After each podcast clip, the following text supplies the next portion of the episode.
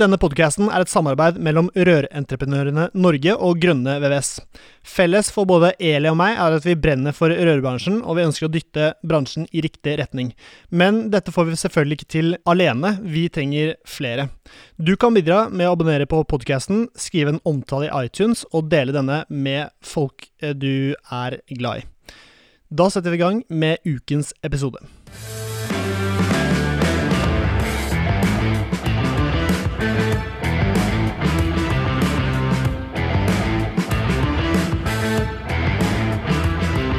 Hjertelig velkommen til ny episode av Bare rør med Eli og Severin. Og da er det Eli Hermine Eide i dag, har vi fått beskjed om. Hele navnet.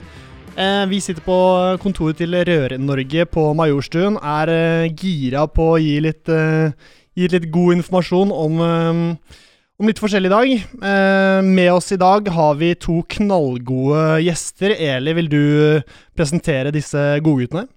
Det kan jeg. Um, de kommer fra en bedrift som i fjor eh, ble kåra til årets lærebedrift i Rørentreprenørene Norge. Året før de, fikk de Oslo kommunes fagopplæringspris, altså i 2019. Bedriften heter Eriksen og Jensen og holder til her i Oslo.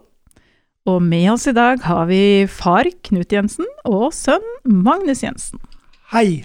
Hei, hei. Hei òg, gutter. Eh, og eh, Knut og Magnus, hva, hva, skjer i deres eh, liv nå for tiden? Er det noe spennende som skjer? Eh, vi har korona og eh, Ja, er det, noe, er det, noe, som skjer? Det er vel Korona, den tenker vi på innimellom, men vi føler at vi er egentlig en kohort. Ja. så Sånn sett så går det i hvert fall veldig bra på kontoret. Ja. vi har mye å gjøre for tiden.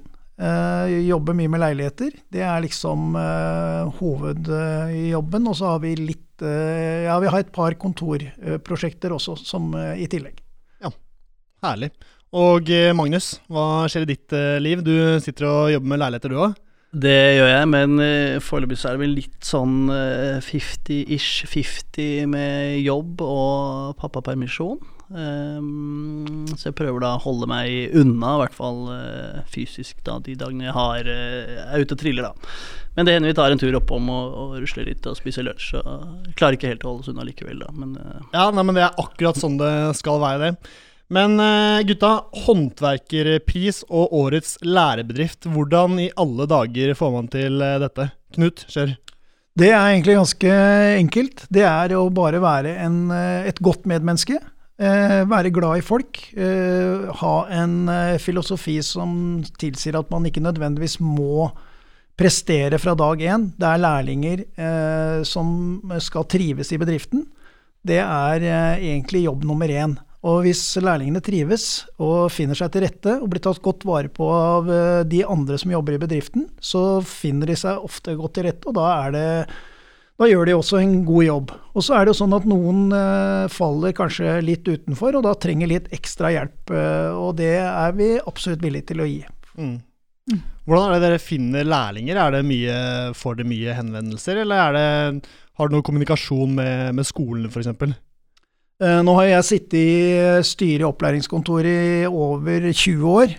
Eh, faktisk gikk ut i år og er bare nå vara. Eh, så jeg har jo veldig god kontakt med opplæringskontoret, og har eh, vært engasjert i opplæring eh, her i Oslo i, ja, som sagt, i over 20 år. Så det er vel ikke til å legge skjul på at vi får noen henvendelser fra opplæringskontoret når det kommer noen kandidater. Men like gjerne så har vi jo tatt imot veldig mange kandidater som har hatt utfordringer utover det som mange andre har. Mm. Og det har fungert veldig bra. Hovedsak vanlige lærlinger som går fra videregående, eller er det voksenlærlinger og, og alt mulig rart? Eh, egentlig alt mulig rart. Eh, kanskje ikke rart, men eh, alt mulig. kan jeg spørre hvor mange lærlinger dere har nå? Sånn cirka? For det varierer jo litt over året. Ja, Nå er det vel syv, tror jeg. Det er noe, vi har vel en som akkurat er ferdig og besto med full bravur, så det er jo det er artig. Og, Klokke og full pakke? Ja, det var full pakke, det. Absolutt. Men hvor mange er dere ansatte i bedriften totalt sett? For det er jo et artig bilde å se forholdet lærling-ansatte ansatte. Vi er fem på kontoret og 30 rødligere lærlinger. Sånn ja, så, så, det er 35, men syv av dem er lærlinger. Som en eldre mann så er det litt morsomt å legge til at uh, han lærlingen som da fikk uh, klokke og full bravur, som Magnus sier, han var jo 54 år, uh, eller var han kanskje 55 når han nå fikk svennebrevet. Og han, som han sa, det er det beste valget jeg har gjort i hele mitt liv, var å gå fra bank til, til rørleggerfaget. Mm.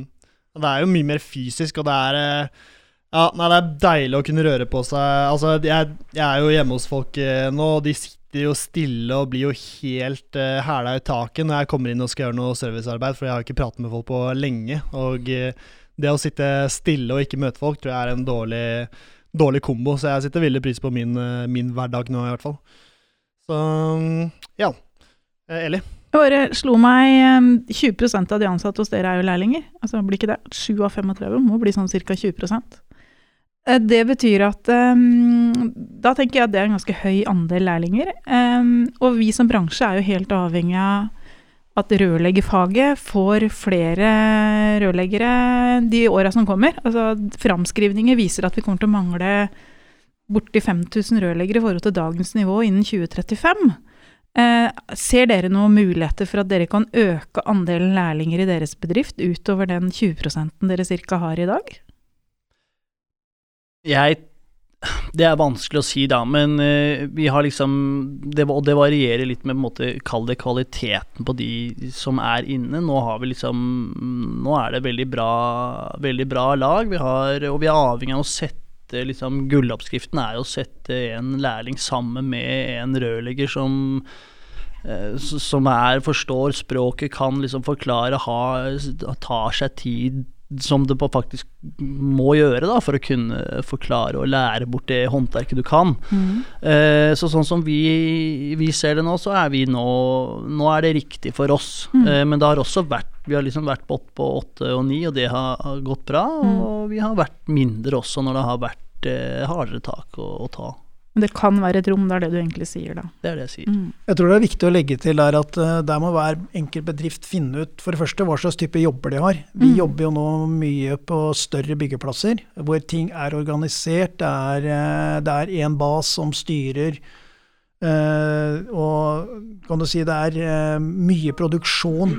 Så altså ren produksjon. og um, det gjør at vi kan ha flere lærlinger enn det man kanskje normalt sett ville hatt i en, en mindre servicebedrift. Mm.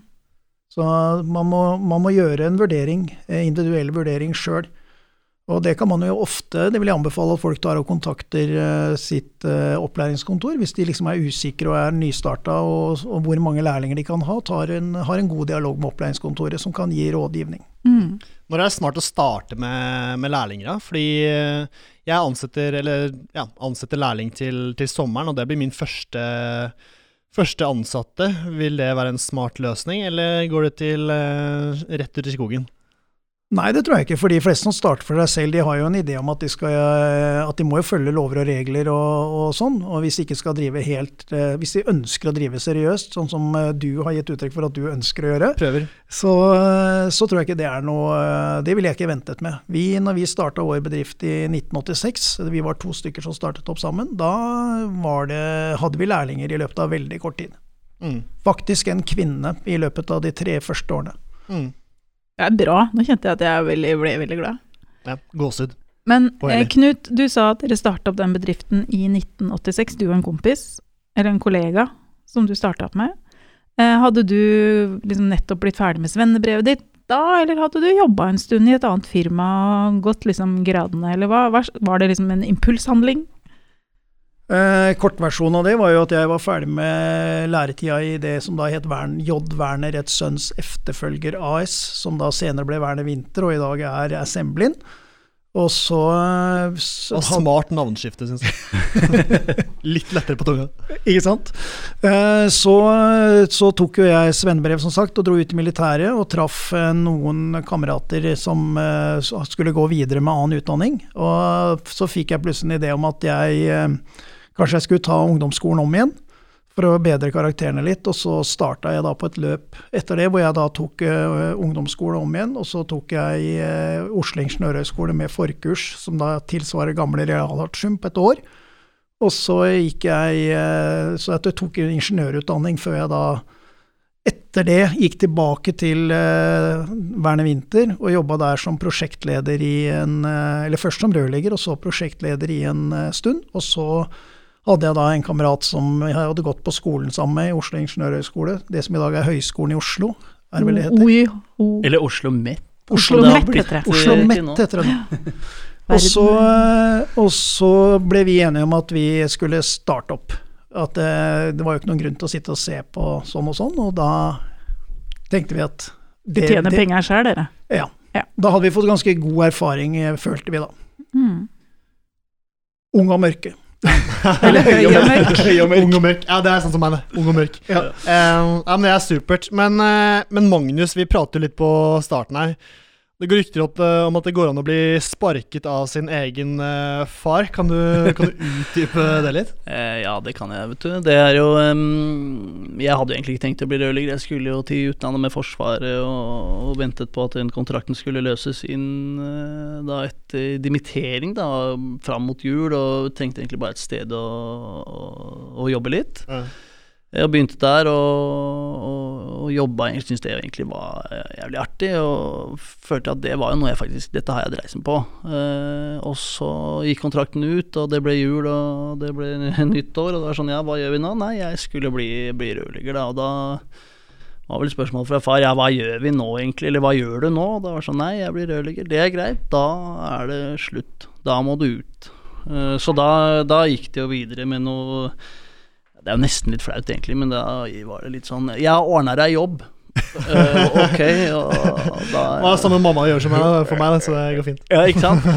Eh, nei, så da var det jo å møte deg en gammel høvding da, nede på styrerommet til Orda. så jeg var vel egentlig Jeg satt der og drakk cola og spiste smørbrød, mens de som kjente hverandre, på en måte De, de avtalte det hele, og så var det sånn Du møter deg på mandag, og da ja, Da satt jeg der på styrerommet og sa tusen takk, og eh, ja, møtte på verkstedet da mandag etter, og, og tirsdagen så var det, var det første dag på jobb på Ahus, og var vel der i to-tre år, to og et halvt år, tenker jeg. Ja, herlig. Fantastisk. Tvangsekteskap med ord, ass. Det var jo det det var. Det var det det rett og slett var. Nei, du, det var en helt fantastisk tid, ass, må jeg si. Det var, mm. Det var veldig bra. Du syns jo det var gøy, og du fikk liksom feelingen for, eh, for rørleggerfaget da du prøvde litt, var det sånn?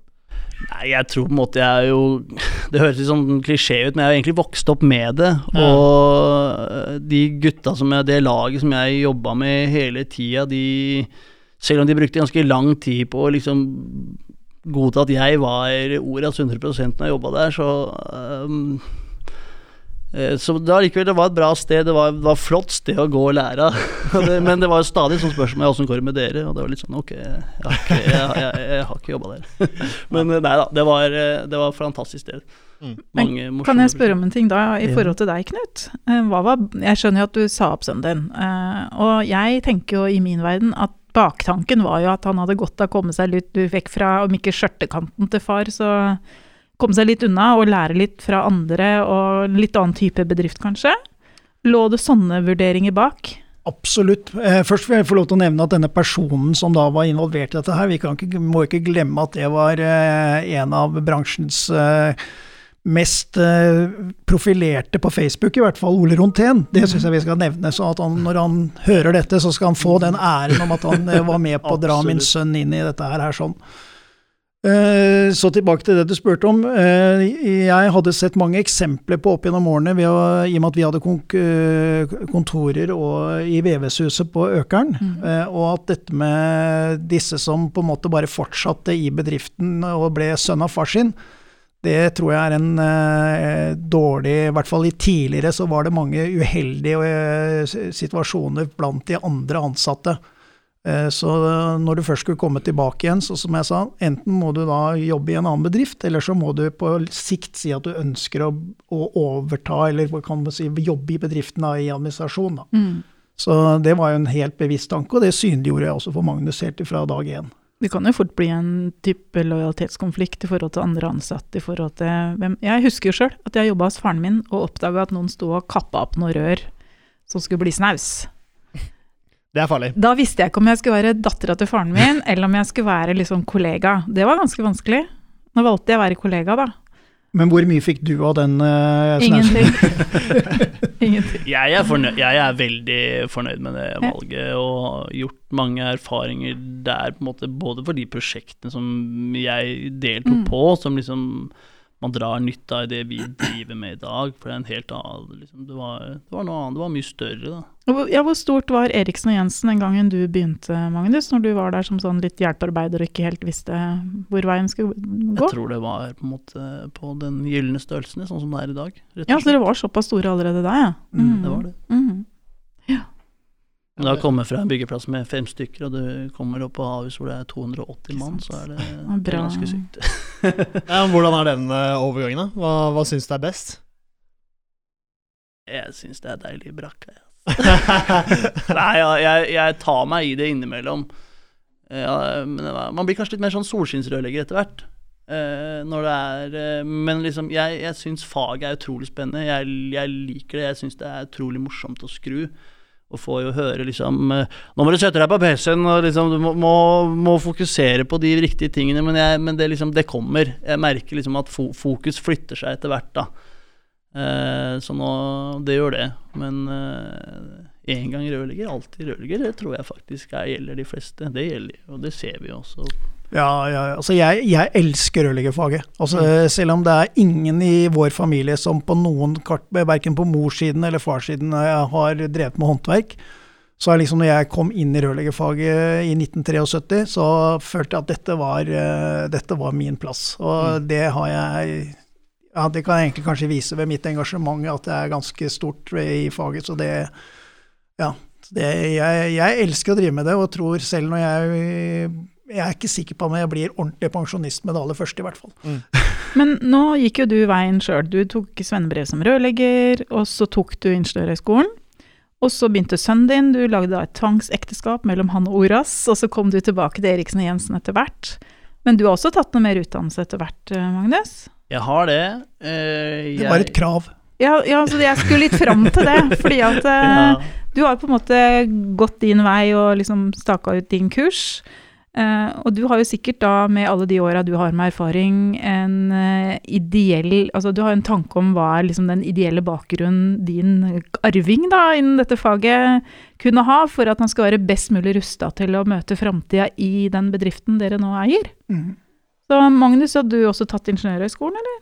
Det har jeg. Jeg har egentlig valgt nesten den, akkurat den samme løsningen, hvor dere måtte ta litt ekstra fag på nytt, eh, rett og slett. Eh, med da to Det var to sommer, sommerskoler med realfag, og så var det Oslo Met, da. Ja. En bachelor der, som det heter, i ja. energi og miljø i bygg. Mm. Det er jo sånn som vi snakka litt eh, i en episode hvor Martin fra Rør-Norge var til stede, mm. om det med teknisk fagskole, for det er ganske nytt. For nå er det sånn at da kan du gå teknisk fagskole hvis det er et ønske, da. Eh, og så kan du få studiepoeng på det for å gå videre, sånn som du gjorde nå. Men det kunne du ikke når du Jeg vet ikke hvor lenge det er siden du gikk der, jeg.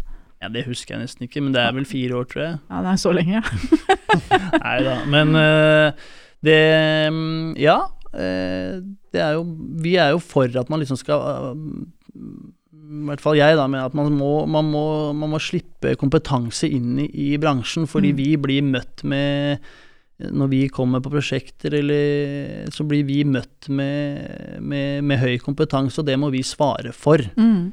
Eh, sånn at vi kan ikke sitte og nikke, og vi må, måtte, vi må, ha kompetanse i eget hus, selv om vi støtter oss på rådgivere som har den kompetansen, men vi må vite hva vi, hva vi driver med, og hva, vi, måtte, hva, slags prosjekt man forvalter. Da, og det, det, da trenger man den kompetansen, både høyskole, men også de tekniske fagskolene. Er, det er jo viktig.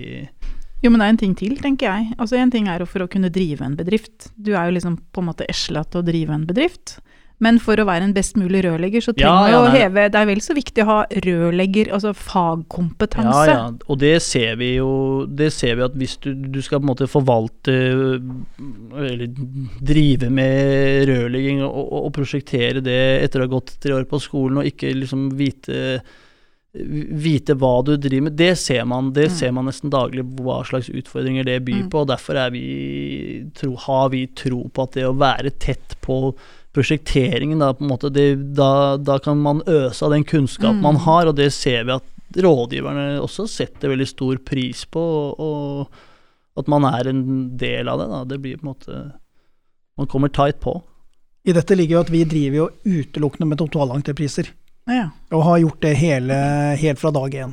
Altså det vil si at du gir da en fast pris på, et, eh, på både prosjektering og eh, levering av rørleggerarbeidet.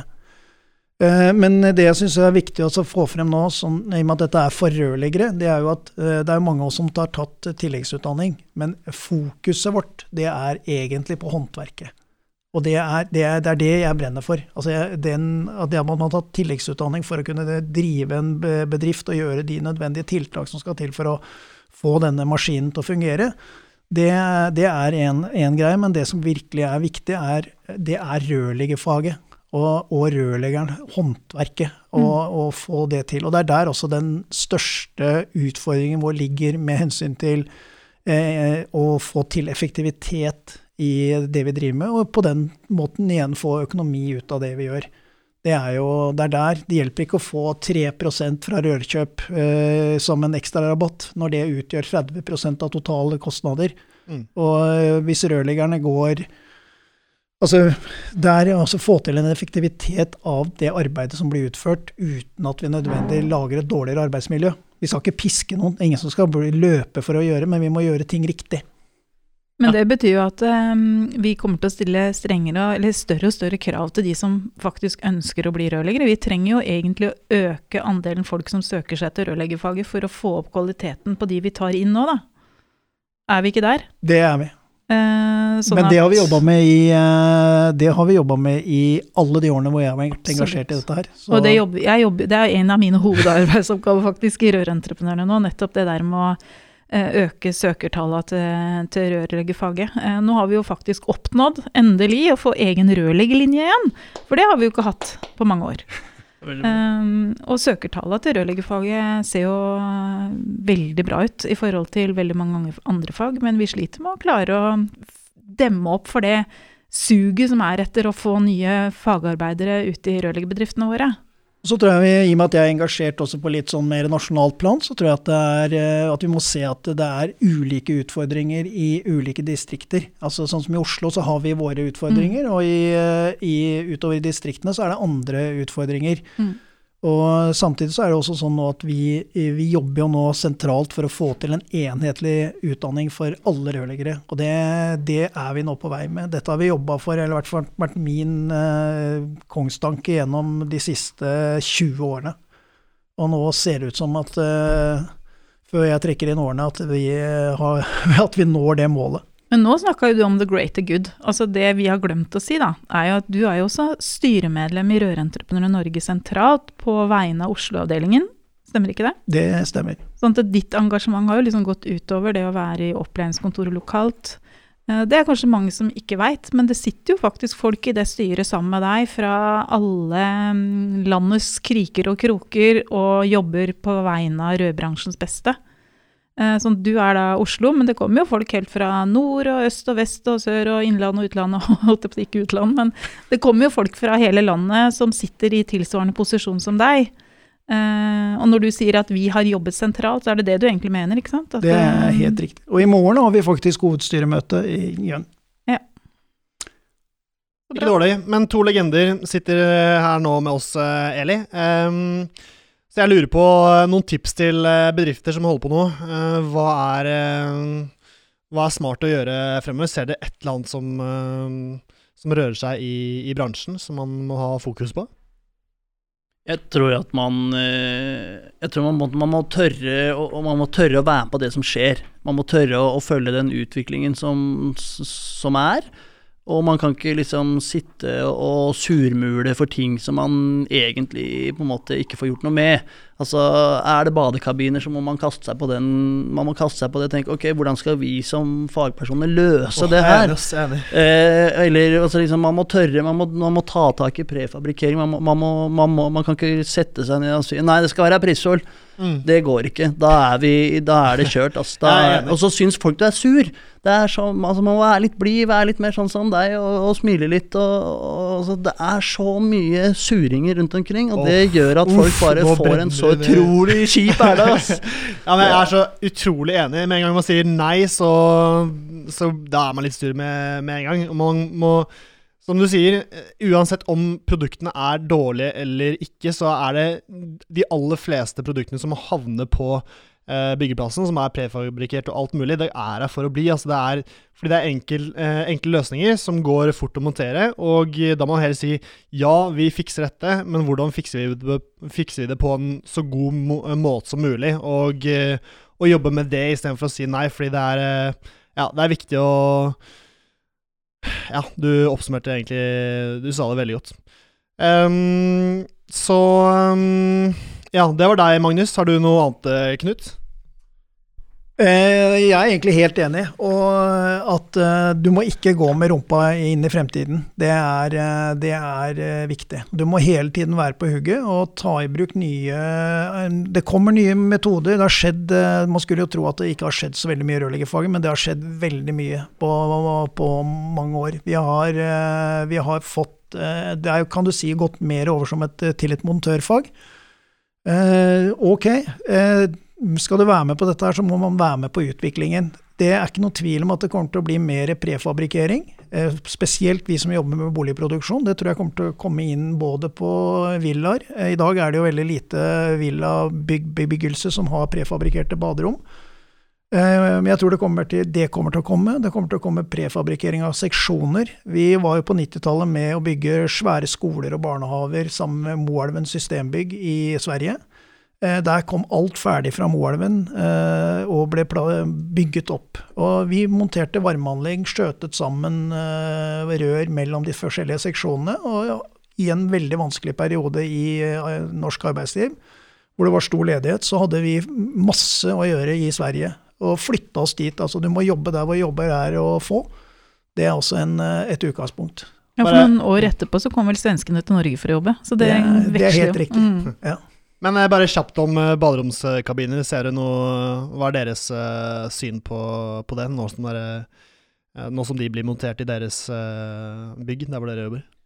Ja, vi er jo På det prosjektet som Magnus er på nå, så er det jo totalt kanskje 1100 badekabiner når prosjektet er helt ferdig. Og det, er, altså, det har kommet for å bli. Det er, det er helt supert, egentlig. Vi slipper å bære rundt på tunge toaletter, og, og det gjør jo at også at faget blir mye mer tilgjengelig for eh, flere. Mm. Som ikke nødvendigvis er svære brander og, og sånn. Mm. F.eks. at vi har jenter som også da kan finne seg til rette i, i rørleggerfaget. Og det Ja. er jo en eh, Det vet jeg Eli er eh, ivrig på, det er også vi positive til. At vi faktisk skal rekruttere fra mer enn halvparten av landets befolkning. Nei, men Det var noe, noe dritt å høre dette, for jeg har ofte tenkt at det å starte for meg selv, eh, det blir eh, lett masse kunder og sånn, fordi jeg tenker jeg er ung og har mye smarte ideer som eh, andre ikke har tenkt på. Men her kommer det frem at dere er jo noen, noen jævla luringer, dere også. Så jeg må tenke, tenke enda nyere. Um, skal vi se um, Nå driver Eli og gir meg noen beskjed på hva Vi kan spørre hva skjer den dagen badet skal byttes når det er prefab. Eh, Knut eller Magnus, hva skjer den dagen eh, badet, skal- byttes?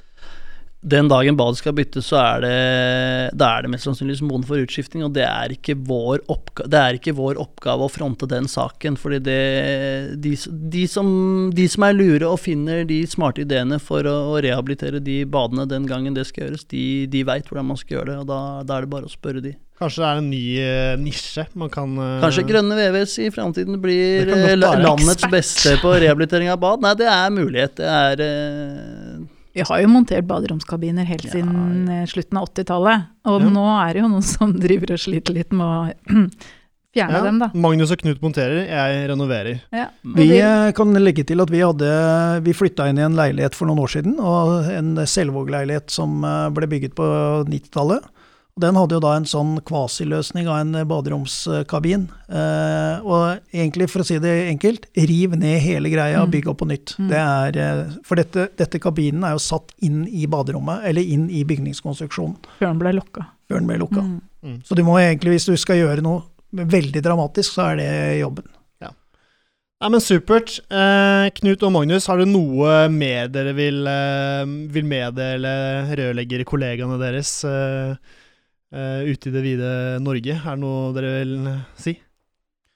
Eh, Hvis det var snakk om de som ønsker å starte for seg selv, da, så tror jeg det er viktig å ta inn over seg at eh, det er ganske mye reguleringer i rørleggerfaget i forhold til kommunale bestemmelser, selv i de laveste eh, godkjenningsklassene. Og det å liksom prøve å utsette det, det tror jeg ikke er en god løsning. Jeg tror man må ta tak i det helt fra dag én og sette seg inn i hva som kreves. Bruk kommunen, bruk eh, kolleger, bruk eh, Rør-Norge til å spørre hvis det er noe du lurer på. Men det å liksom eh, Og sørg også for at du eh, Spesielt dette med konsekvensen av å gjøre feil kan være veldig store. Altså når du har drevet bedrift i så mange år som det vi har gjort, så har du vært igjennom både store og små vannskader. Og det, det, er ingen, det er ingen pardon når det skjer. Og da må man ha også en For det én, det er å sørge for at man ikke gjør noe som er uaktsomt. Og to, det er også å sørge for å ha en god forsikring. Ta gjerne Bruk Rør-Norge, som har en god forsikringskontakt, og, og, og ha dialog med de, og at du får en riktig forsikring. For det, er, det kan være helt uh, uh, katastrofalt for bedriften hvis man ikke har den i orden når det skjer. Og det kommer til å skje. Det er ingen som driver rørleggerbedrift som ikke har vannskader. Det er vel ingen som har bil som ikke har bilforsikring heller. Sånn det, henger jo, det er jo litt samme. Jesus. Jeg, jeg har ikke Nei, jeg, jeg har ikke fått noe Jeg har ikke hatt en lekkasje ennå. da er det bare snakk om tid Ja, du, før det smeller. Du skjønner det? Jeg er piss på meg. Ja. Eh, Magnus, har du noe eh, du vil legge til? Nei, i utgangspunktet ikke, men vi har jo liksom det, Man ser jo det viktigheten liksom som kommer på med det med vannskader. Da. Det er liksom ikke slurv med trykkprøving, bare ha gode rutiner. Ta den tida det tar. Vi har liksom de siste årene brukt eh, Jobba litt med de rutinene og ser at det får vi ekstremt eh, igjen for, faktisk. Det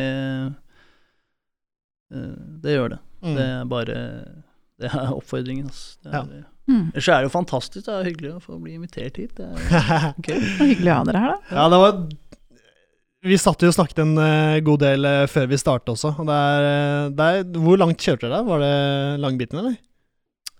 Nei. Bor jo rett borti svingen her. Jeg ble henta. Jeg ble henta. Henta pappa? Ja. Vi har kontoret på Frisja, Ja, nettopp. og eh, til den største byggeplassen vår har vi akkurat eh, 15 meter. Mm. Så det er egentlig eh, veldig bra. Ja.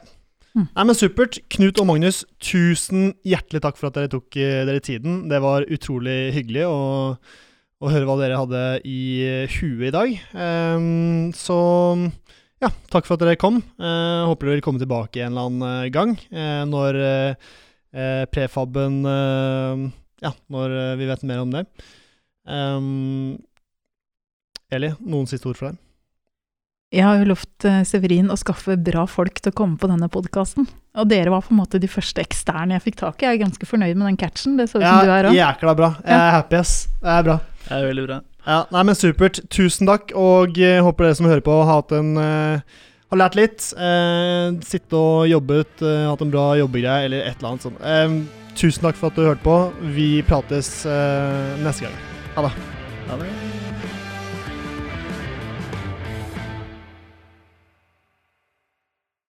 Halla, hvis du likte denne podcasten, hadde vi satt utrolig stor pris på om du abonnerte og gir oss en tilbakemelding i avspilleren. Eh, spre gjerne ordet videre til andre i rørbransjen som brenner for rørleggerfaget og er opptatt av å drive en seriøs rørleggerbedrift. Mitt navn er Severin Poppe Midteide, og med meg har jeg co-host Eli Hermine Heidal Eide. Sammen er vi to podcasten Bare Rør med Eli og Poppe. Et samarbeid mellom Grønne VVS og Rørentreprenørene Norge.